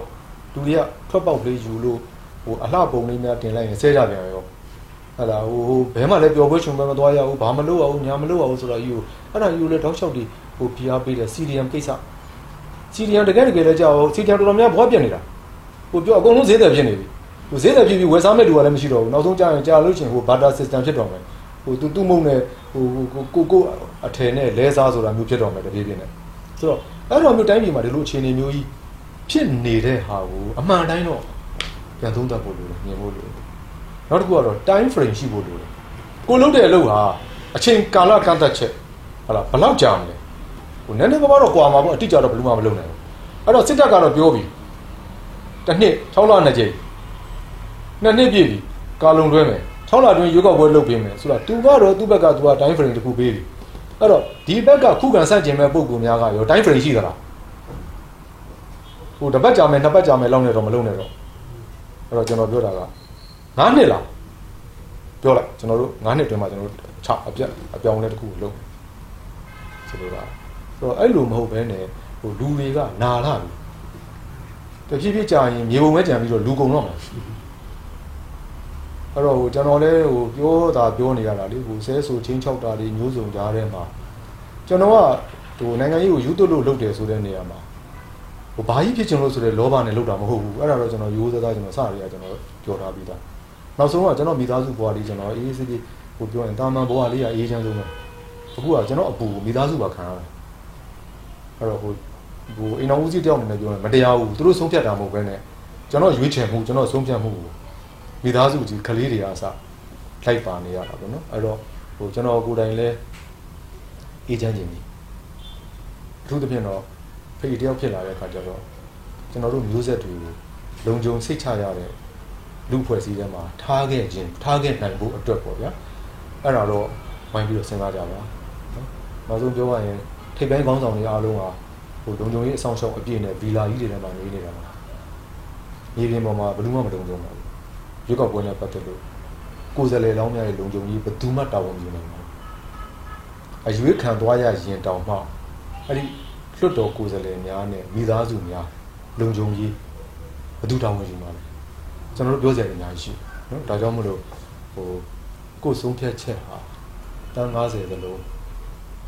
ရင်ဆိုင်ရမယ်ဆိုတာကိုတော့အလေးနဲ့ကျွန်တော်တို့ထားစီကြတယ်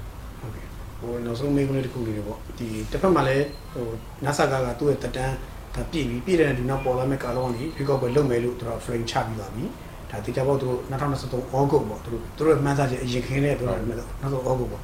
ဘလုံမယ်လို့ပြင်ထားတယ်ဒါအောင်မြင်တယ်မအောင်အောင်မြင်တော့ရတော့သူလုပ်မှာပေါ့တစ်ဖက်မှာကျတော့2023က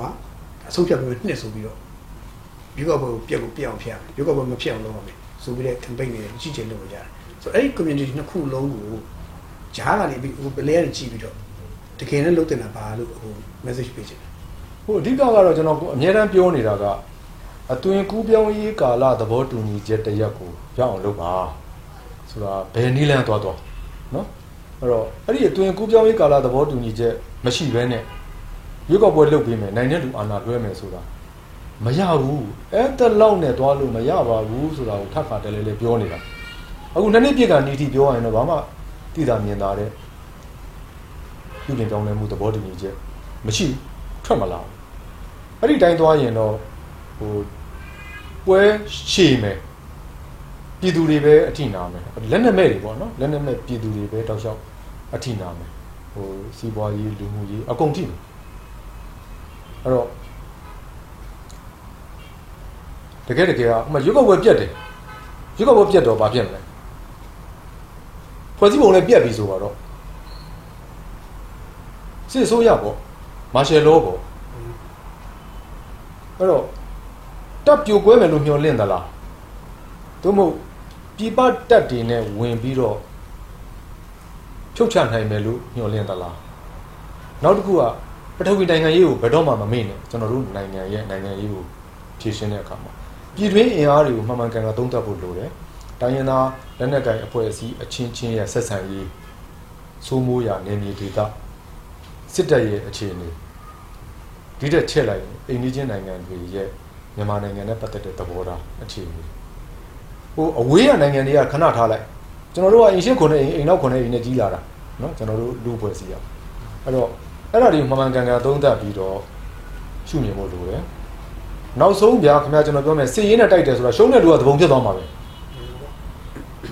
ဒါမျက်စိနဲ့ပုံဖော်ကြည့်လိုက်ပေါ့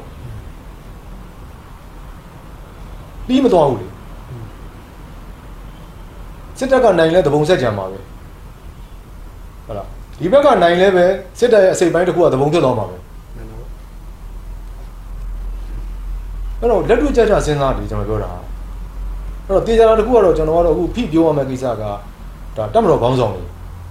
သူအာဏာကိုရယူထားတာဖြစ်တဲ့အတွက်ကြောင့်သူက initiative power ခေါ်တာပေါ့ သူကဟိုပြောရရင်အဓိကဥဆောင်ပြီးတော့အဆုံးဖြတ်တွေကိုလုတ်ခွင့်ရှိတယ်အဲ့ဒါကအစိုးရအကောင်းကသူကကောင်းမွေကိုလည်းဆုံးဖြတ်နိုင်တဲ့အခွင့်အလမ်းသူ့မှာရနေတယ်စိုးမွေရတော့တစ်သလုံးခံခဲ့ရပြီထပ်ပြီးတော့ဟိုမဲတင်းကျင်လဲတင်းပေါ့ဗျာဒီပြီးခဲ့တဲ့စိုးငွေတွေကိုကျွန်တော်တို့အခုခန်းနေရပြီးပြီနောက်ထပ်ထပ်ပြီးတော့စိုးငွေတွေထပ်ထည့်အောင်မယ်ဆိုရင်လဲစေတနာပေါ့တိုင်းပြည်ပေါ်မှာထားတဲ့စေတနာပေါ့ကျွန်တော်တော့အဲ့လိုပဲပြောရမယ် အဲ့တော့ဒါကြောင့်မလို့ဟိုတမတော်နဲ့ပြည်သူနဲ့ဆက်ဆံရေးရှော့မတွက်ပါနဲ့အခုဖြစ်တဲ့အခြေအနေဟလာ line ပေါ်မှာကိုယ်အုပ်စုနဲ့ကိုယ်ထောက်ခံနေတာတွေကိုတာယာနေလို့မရအောင်เนาะမြေပြင်ပေါ်မှာဖြစ်နေတဲ့အခြေအနေတွေဟိုလူတွေကပုံမှန်နေနေပြောရင်ဟိုကျွန်တော်တို့ဟိုးတုန်းကတည်းကဒီပြဿနာမဖြစ်ခင်ကတည်းကလက်နက်ကင်ပြိပက area တွေမှာရှိတဲ့ပြည်သူတော်တော်များများတိုင်းရင်းသားတွေအပါအဝင်ဘယ်လက်နက်ကင်မှမကြိုက်ဘူးဗမာစစ်တပ်လည်းမကြိုက်ဘူး တိုင်းရင်းသားစစ်တပ်လည်းမကြိုက်ဘူးသူငြိမ်းချမ်းနေကြတယ်လေသူဟလာဟိုတောင်ဓမ္မခုတ်ဟိုတောင်ရလုပ်ငန်းအယောင်းအဝယ်လေးတွေသူအေးချမ်းချမ်းအနှောက်အယှက်မရှိအချင်းချောင်းမရှိလှုပ်ချင်တယ်လေအဲ့ဒါအတမန်ပြည်သူရဲ့ဆန္ဒပဲဆိုတော့အဲ့ဒါကြောင့်မလို့လက်နက်ကင်နီလန်းနဲ့အဆုံးဖြတ်ပေးဖို့မဖြစ်နိုင်ဘူးနိုင်သွားလဲရှုံးတဲ့လူကသဘုံပြတ်မှာပဲဘယ်သူနိုင်တာ အဲ့တော့အဓိကကနိုင်ငံရေးထွက်ပေါက်ကောင်းကောင်းဖန်တီးပေးဖို့လိုတယ်နောက်တကယ်တိုင်းပြည်ပေါ်မှာစိတ်ကောင်းစေတနာရှိပြီးတော့အမျှော်မြင်ရှိတဲ့နိုင်ငံရေးသမားတွေကိုဒီຫນွေဦးတော်လှန်ရေးတွေကထွက်လာရင်ကျွန်တော်တိတ်မျှော်လင့်တယ်ဘာလို့ဆိုတော့ကျွန်တော်တို့ကိုယ်တိုင်ထားခဲ့ရတော့မှာလေအဲ့ဒီဂျန်ဇီးတွေအဲ့ဒီအထဲမှာလည်းပဲဟလာတကယ်ကိုကြကြပြန့်ပြန့်လေ့လာနိုင်တဲ့ဆုံးဖြတ်နိုင်တဲ့မျိုးဆက်တွေထွက်လာလို့လို့မျှော်ကြည့်လိုက်ကျွန်တော်တို့တွေ60ကျော် လက်ရှိတက်ကောင်းဆောင်တွေအားလုံးကျွန်တော်တို့တက်တူရွယ်လူတွေပေါ့တန်းနေအဲ့ဒီအလှော်ကိုအလှော်လိုက်ဖယ်လိုက်တိုင်းသားလက်နက်ကိုင်ဒေါ်လာရင်းအင်အားစုတွေကလက်ရှိလူကြီးလူကြီးတွေလူကြီးအကုန်လုံးကိုကျွန်တော်တို့အလှော်လိုက်ဖယ်လိုက်တက်လာမဲ့အုပ်စုတွေဟာတိုက်ခိုက်တဲ့သူနဲ့ချိန်မုံတဲ့သူနဲ့တိုက်ခိုက်တဲ့သူနဲ့ချိန်မုံတဲ့သူနဲ့တကယ့်ကိုပြင်းပြင်းထန်ထန်ပဋိပက္ခကနေမွေးဖွားလာမဲ့နောက်မျိုးဆက်တွေကြားထဲမှာတမတော်မျိုးဆက်တွေຫນွေဦးတော်လိုင်းမျိုးဆက်တွေ တိုင်းသားလက်နက်ကိုင်မျိုးဆက်တွေအဲ့ဒီဆိုကြပါစို့ဗျာအခု40တန်းပေါ့နည်းနည်းကြည့်ရင်50တန်းပေါ့အဲ့ဒီအလှော်တွေကြီးပဲအပြိုင်ရိုင်တက်လာတဲ့အချိန်မှာဒီတိုင်းပြည်တော့တော့ဘယ်လိုရှင်းကြမလဲအခုကျွန်တော်တို့ဆိုတာဘာပြောဟိုကျွန်တော်တို့ကနိုင်ငံရေးသမားတွေနဲ့မှီခဲ့တယ်လို့ပြောရမယ်။ဘာလို့ဦးနုတို့ဝီဒူရာတခင်ချစ်မောင်တို့ဘုံမှုအောင်တို့အစရှိတဲ့ပြောရင်ဟလာဦးအောင်ကြီးတို့အစရှိတဲ့တကယ်လွတ်လပ်ရေးခေတ်ခေါင်းဆောင်တွေနဲ့ကျွန်တော်တို့က တက်ရှိထင်ရှားမှီခဲ့တယ်။သူတို့စီကနေကျွန်တော်တို့သင်ခန်းစာတွေနမူနာတွေကျွန်တော်တို့အများကြီးရခဲ့တယ်။အခုဒီလူငယ်မျိုးဆက်ကိုတိုင်ကနိုင်ငံရေးသမားဆိုတာသူတို့မျက်စိအောင်မှာတွေ့တဲ့လူတွေကိုသူတို့နိုင်ငံရေးသမားလို့ထင်ပါပေါ့ဗျာ။အဲ့ဒီအလှော်တက်လာတဲ့ခါကြရင်အခုတက်မတော်ကောင်းဆောင်တွေလည်းပဲကြိုပြီးစဉ်းစားထားဖို့တော့လိုကျွန်တော်ပြောတော့ဒီတက်မတော်ကောင်းဆောင်တွေတင်မကဘူးပေါ့အခုပြောရရင်တော့50တန်းပေါ့ကျုပ်တွေဖြစ်နေတယ်50တန်းပေါ့ ဒီတန်းတဲ့အလှော်အသီးသီးကလည်း50တန်းနေတက်လာမယ်အဲ့ဒီ generation အားလုံးရဲ့တမိုင်းရေးဆိုင်ရာအမြင်နိုင်ငံရေးဆိုင်ရာအမြင်နိုင်ငံတကာဆိုင်ရာအမြင်အဲ့ဒါတွေကိုပါထည့်ပြီးတော့တွက်ထားဖို့လိုမယ်လို့ကျွန်တော်ကတော့အကြံပြုချင်တယ်ဟုတ်ကဲ့ချိန်ပြီးပြီးတော့ဖြေချပေးလို့ကျေးဇူးတင်ပါတယ်ခင်ဗျာဟုတ်ကဲ့ပါကျွန်တော်လည်းကျေးဇူးတင်ပါတယ်